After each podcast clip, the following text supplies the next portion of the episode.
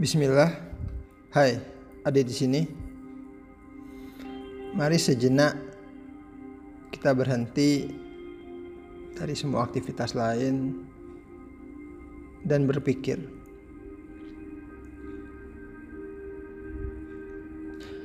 Eh, tapi sebenarnya berpikir itu ngapain ya? Apa yang sebenarnya kita lakukan ketika kita berpikir? Untuk apa bahkan kita berpikir? Kenapa kita berpikir? Bahkan sebenarnya makna dari berpikir itu sendiri apa? Berpikir itu bahkan tidak punya wujud. Kita tidak bisa melihatnya. Tidak bisa mendengarnya. Tidak bisa memegangnya tidak ada yang bergerak ketika seseorang berpikir. Bahkan berpikir itu bisa dilakukan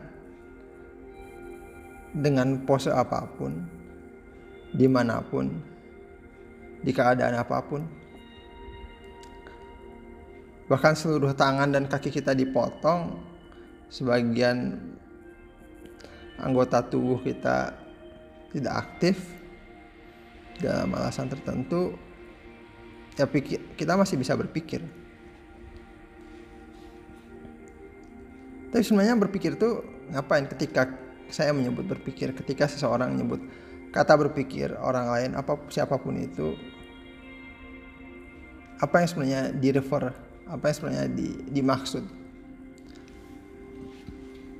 Nah mungkin itu pertanyaan yang terlalu yang jelas kita harus mendefinisikannya. Cuma itu mungkin terlalu abstrak.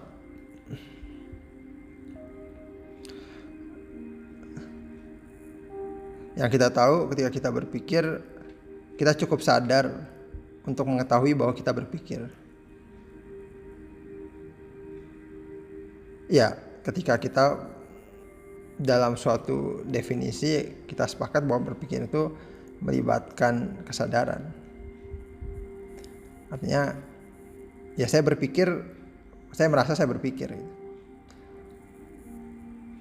Paling kita sepakat di sana. Meskipun bisa saja definisi ini kita longgarkan.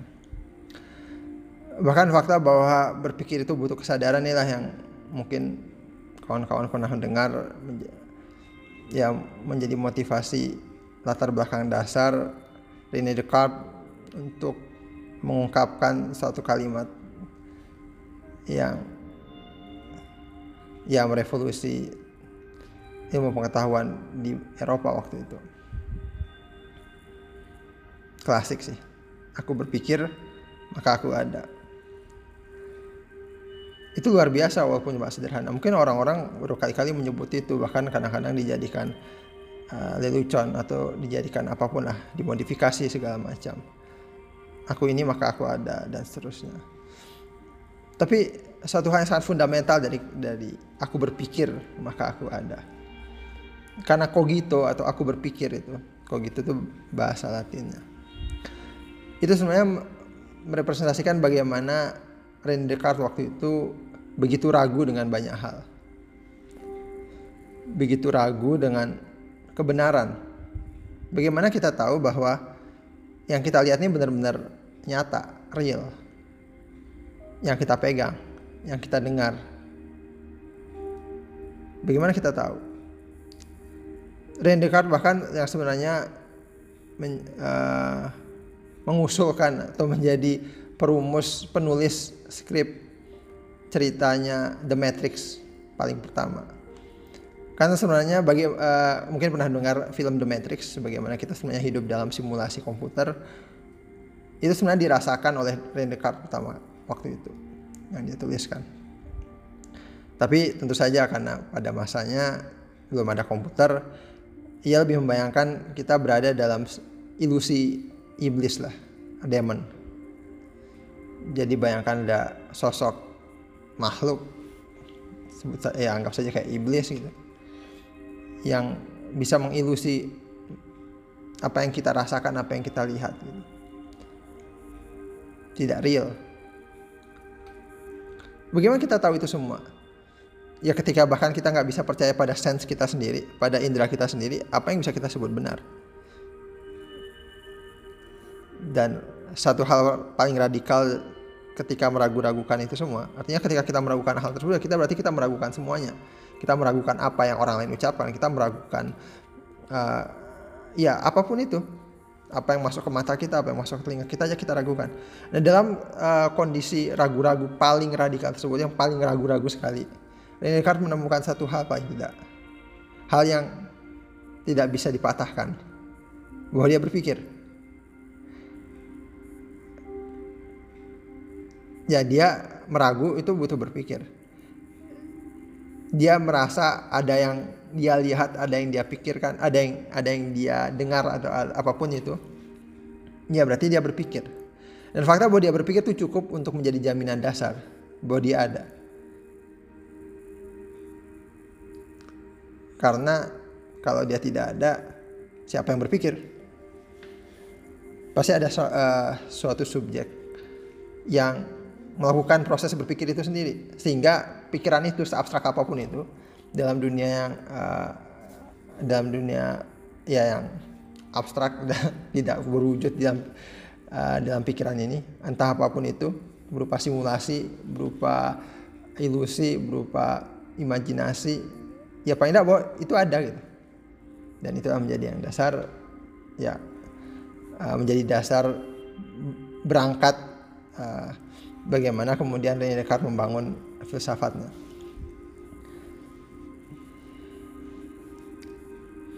Ya tapi uh, kembali ke kenapa saya membahas itu itu me, me, me, me, merujuk pada konsep bahwa proses berpikir yang dimaksud adalah proses berpikir yang melibatkan kesadaran. Karena dia merasa dia sadar bahwa dia berpikir maka dia bisa katakan saya dia ada gitu. Ya, itu hal yang sangat bisa kita rasakan semua bisa kita sense, bisa kita sadari. Tapi kesadaran itu butuh butuh consciousness butuh apa ya ya kesadaran. Kita tidak merasa itu ketika kita tidur. Kita tidak merasa itu ketika no, kita tidak dalam tanda kutip sadar. Kita bengong itu kita kita ya sebetulnya tidak berpikir melamun atau ya tentu saja banyak kondisi-kondisi di mana kawan-kawan seperti lepas dari kesadaran.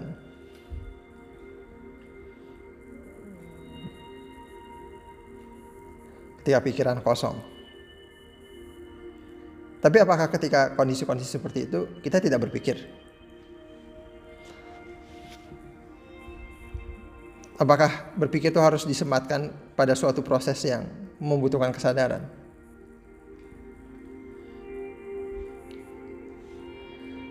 Sekarang sebagai uh, mungkin kita coba ilustrasi. Ketika saya tanya pada anak kecil, ya enggak lah mungkin kawan-kawan punya ponakan gitu, adik yang masih SD gitu kelas 1 mungkin. Tanyalah berapa 2 tambah 2. Dia butuh berpikir untuk menjawabnya.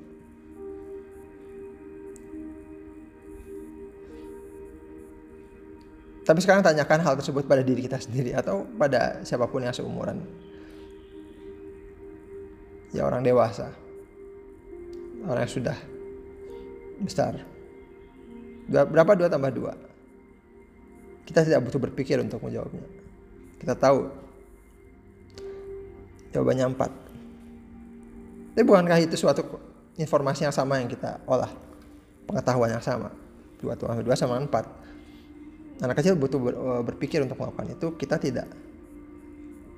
Apa yang berbeda? Ya kita seakan-akan tidak butuh berpikir. Pada pada dasarnya bukan seperti itu bukan?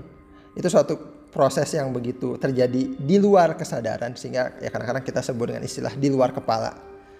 Karena seakan-akan itu kita bisa lakukan tanpa melibatkan kepala kita gitu. Karena ya kita merasa berpikir itu di kepala ya well meskipun itu bisa uh, jadi panjang juga tapi anggaplah sekarang kita memang berpikir di kepala ya suatu kondisi sering terjadi bahwa kita bisa memproses banyak hal seakan-akan tidak membutuhkan kepala kita. Artinya tidak butuh kesadaran. Tidak butuh rasa sadar untuk bisa memproses itu dengan dengan suatu ya rantaian prosedur berpikir yang yang ya yang ada runtutannya begitu. Ya kita jawab saja satu tambah satu dua, dua tambah dua empat sudah.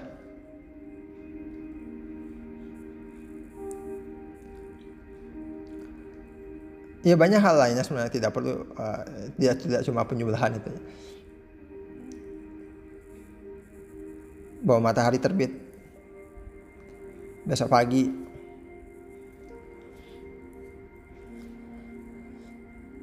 Bahwa pagi, siang, sore kita makan. Bahwa ya langit warna biru udara itu kita hirup.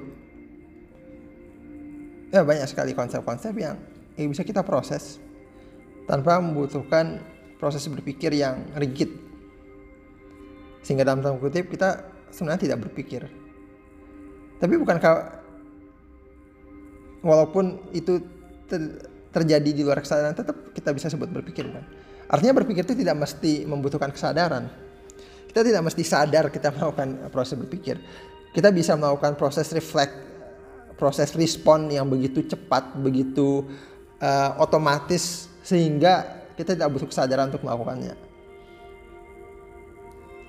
Begitu banyak skill begitu banyak keterampilan kita bisa kembangkan sehingga membuat uh, tidak perlu lagi yang namanya berpikir.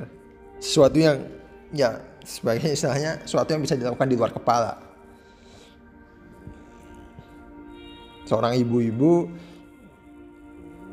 atau bapak-bapak tidak tidak harus ibu-ibu. Tapi siapa pun yang sudah terbiasa masak berhari ya, tiap hari maka dia tidak perlu berpikir untuk kemudian pada suatu hari ya harus memasak nasi goreng gitu.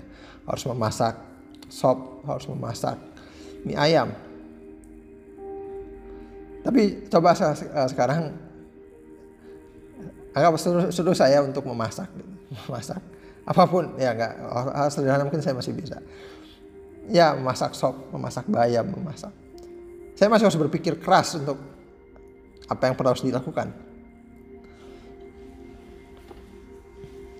ya dan itu tidak hanya untuk memasak keterampilan apa pun, berenang, naik motor, juggling, menari, bermain musik, melukis, mengerjakan matematika, semuanya. Semua keterampilan ketika kita lakukan pertama kali mungkin kita berasa seperti berpikir. Ya akhirnya kita sampai dalam level menguasai keterampilan itu ketika kita tidak perlu berpikir. Sehingga mungkin nah mungkin kita pernah mendengar ya kayak cara untuk menguasai suatu keterampilan adalah ya kita jangan memikirkan kalau kita misalnya mau berenang kemudian kita pikirkan kita benar-benar menciptakan suatu prosedur berpikir kaki kita harus bagaimana tangan kita harus bagaimana secara simultan seterusnya maka jelas kita akan sangat kesusahan kita sampai pada titik di mana kita bisa berenang adalah ketika kita bisa mengkoordinasikan semua badan kita sehingga kita bisa mengapung di air dan kemudian bergerak di, uh, di permukaan air itu tanpa melibatkan proses berpikir yang dikit.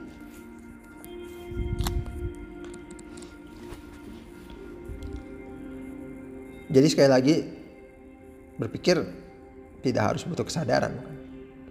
Itu dua hal yang satu suatu proses yang sama. Itu bisa terjadi secara berbeda gitu. Tadi misalnya dua tambah memproses dua tambah dua melakukan perkalian mengerjakan matematika memasak dan seterusnya. Itu hal yang eh, pekerjaan yang sama. Itu bisa dilakukan dengan kesadaran tanpa kesadaran. Itu kan bagaimana sejauh apa pikiran atau apa pun itu untuk apa pun yang kita pakai untuk proses itu itu bisa melakukannya dengan kesadaran atau tidak. So, berpikir bisa kita perluas tentu saja dong.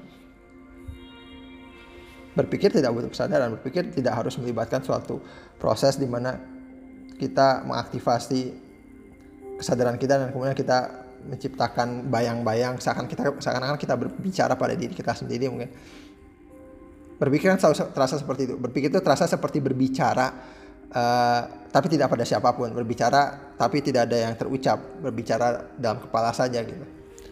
Tapi kan itu semua proses yang melibatkan kesadaran. Tapi sedangkan banyak sekali hal yang kita lakukan tanpa tanpa tanpa melibatkan itu semua. Kita merencanakan hari suatu hari kita mau ngapain. Kita uh, mengevaluasi suatu kejadian, kita me, me, melakukan pra, menciptakan prasangka, menghakimi seseorang dan seterusnya itu tanpa tanpa sedikit pun melibatkan kesadaran kadang-kadang.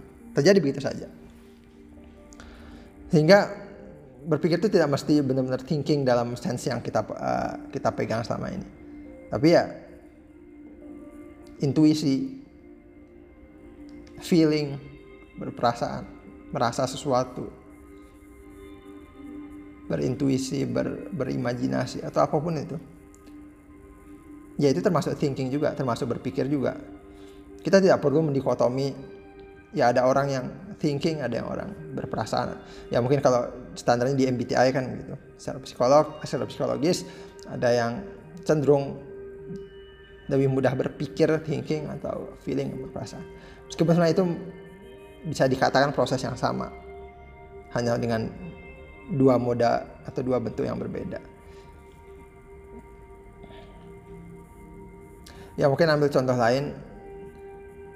Bagaimana kita benar-benar kadang-kadang bisa memproses sesuatu yang sebenarnya itu melibatkan proses berpikir. Tapi karena begitu spontan begitu otomatis begitu cepat gitu sehingga itu benar-benar seakan-akan terjadi begitu saja secara intuisi secara perasaan.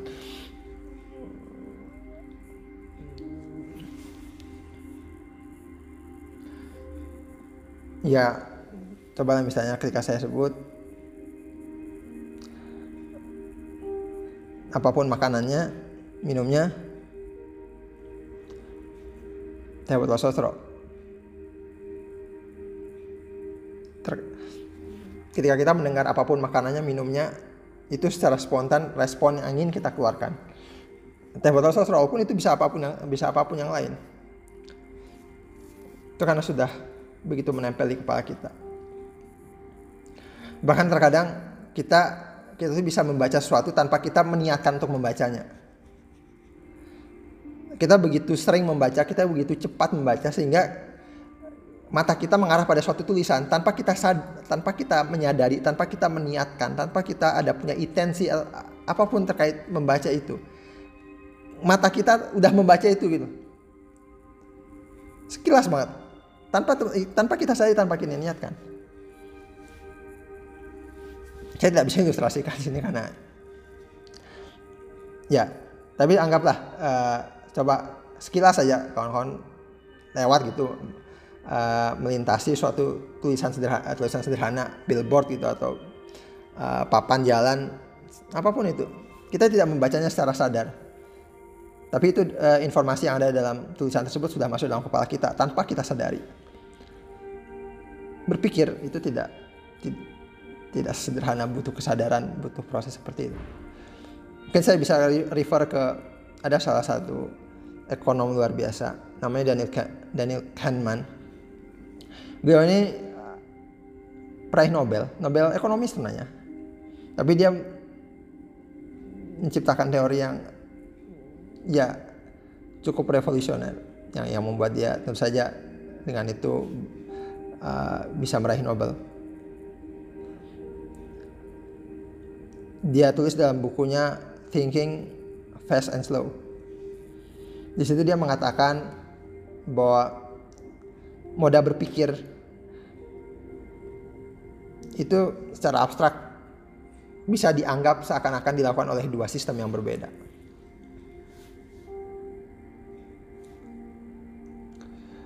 jadi dua moda berpikir ya kita nggak tahu ini apakah ini moda ini terkait dengan bagian dalam kepala secara fisik atau bagian dari jiwa kita yang yang berbeda atau ya kita nggak tahu tapi yang jelas ada dua sistem yang berbeda ya saya kan Daniel Kahneman ini bukan psikolog jadi dia cuma menceritakan ada ada dua ada dua dua sistem gitu dalam kepala, dalam pikiran kita.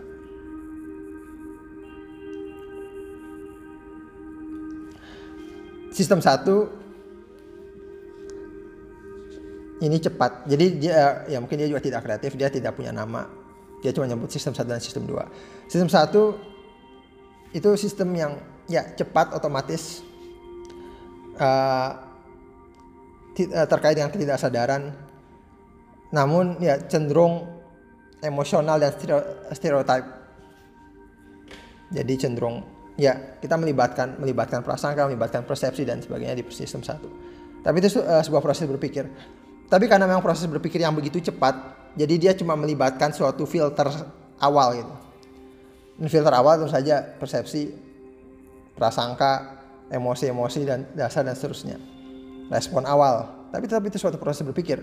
Dan semua yang tadi yang saya ucapkan ketika uh, semua hal yang begitu sudah ahli kita lakukan memasak uh, seorang chef yang memasak seorang pembalap yang mengendarai motornya seorang pemain sepak bola yang bermain sepak bola ya saja seorang matematikawan yang mengajarkan soal matematika. Mereka mengerjakan itu semua pakai sistem satu. Meskipun tadi sistem satu itu unconscious melibatkan ketidaksadaran. Bahkan kadang-kadang emosional. Ya karena butuh cepat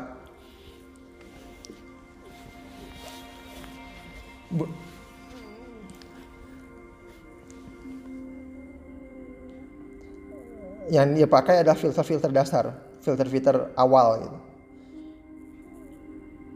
Baru kemudian ada sistem 2 yang bisa dikatakan ini sistem yang pemalas. Dia lambat sebenarnya. Tapi lambat tapi penuh usaha. Penuh usaha, analitis dan sadar gitu. Kita nggak bisa menghitung 273 dikali 547 dengan sistem 1, tapi kita bisa melakukannya dengan sistem 2. Pelan-pelan. Dengan kesadaran yang penuh. Kawan-kawan ya tentu saja ada orang yang bisa melakukannya uh, dengan mungkin pernah mendengar lomba menghitung cepat gitu ya, yang luar biasa. Itu juga tadi ketika suatu keterampilan sudah begitu terbiasa dilakukan itu bisa pindah ke sistem satu hal tersebut. Dan sistem dua ini sistem yang ya bisa dikatakan pemalas gitu. Harus dipaksa untuk bekerja. Ya karena pada dasarnya memang berpikir itu berpikir dengan sistem dua itu butuh butuh effort gitu. Karena di sini ya ibarat ibarat berusaha memproses sesuatu dengan cara yang dengan prosedur-prosedur yang rinci begitu. Tidak bisa cepat.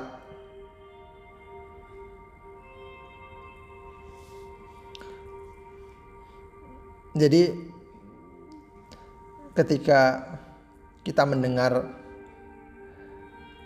mendengar apa pun ya misalnya mendengar mendengar suatu ceramah mendengar suatu suara gitu percakapan sistem satu bisa dengan mudah mengidentifikasi mungkin itu kira-kira suaranya siapa? Suara itu berasal dari mana? Atau mungkin makna-makna dasar dari suara tersebut? Ketika suara itu memang bermakna sesuatu. Tapi ketika tapi uh, ketika informasi dalam suara tersebut yang yang ter, ter terangkum dalam suara tersebut itu punya sistematika yang tidak biasa. Ya misalnya kita mendengar kita ketika kita mendengar misalnya ya pelajaran begitu penjelasan dari guru dan seterusnya yang hal yang baru bagi kita maka kita tidak bisa pakai sistem satu kita akan menggunakan sistem dua untuk melakukannya ya. Tadi terus so what? Well tidak tidak ada implikasinya sih tapi tentu saja kalau bagi Daniel Kahneman tadi uh, dia seorang ekonom tentu saja. Dia di situ menjadi uh, pemicu. Ya teorinya bisa sangat digunakan dalam behavior science. Artinya apalagi dalam dunia ekonomi di mana dunia ekonomi itu banyak perlu banyak analisis terkait perilaku manusia. Seorang pembuat iklan seorang perusahaan uh, atau suatu perusahaan bisa membuat iklan dengan efektif bila dia bisa memanipulasi sistem satu setiap orang. Tentu saja kita banyaklah mendengar iklan-iklan yang benar-benar kita nggak butuh berpikir untuk memprosesnya. Iklan rokok terutama. Ya bahkan tadi yang saya sebut teh botol sosro apa pun makanannya, minumnya bla bla bla, itu kita bahkan udah nggak pakai sistem dua untuk melanjutkan kalimat tersebut.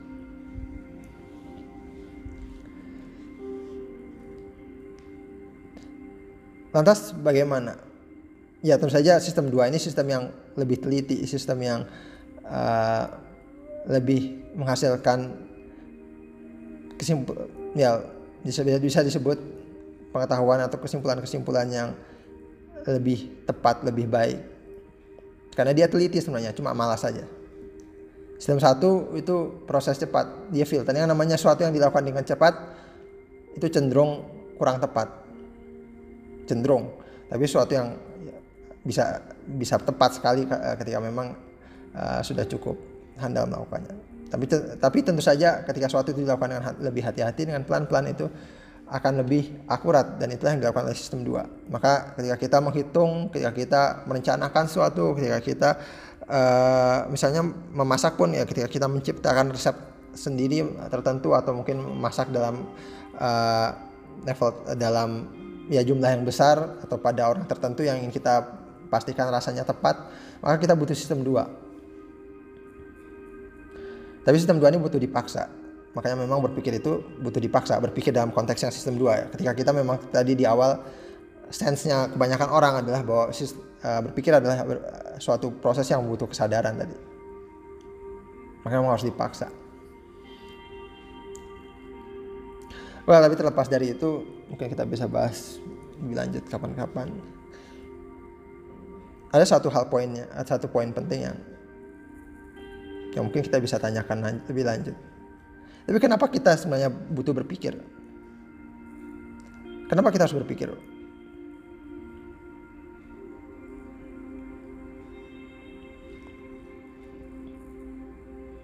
Untuk apa kita berpikir?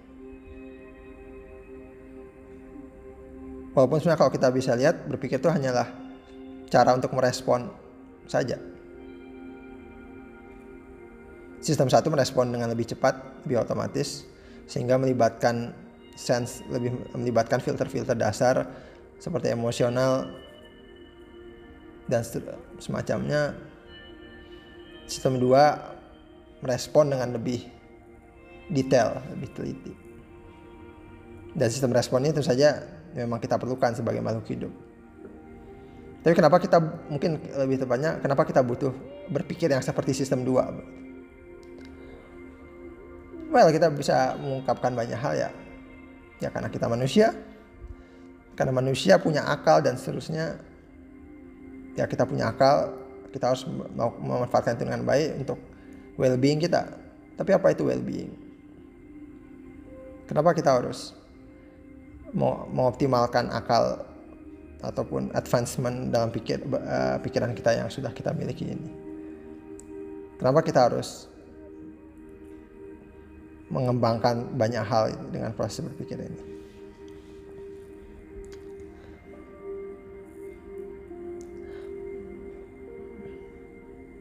Ya anggap saja kita mungkin butuh mengoptimalisasi kehidupan kita kita bisa saja hidup sebagaimana hewan, melibatkan sistem satu, melibatkan sistem limbik dalam pikiran dalam otak kita ya udah kita merespon apa-apa tanpa harus suatu proses analitis.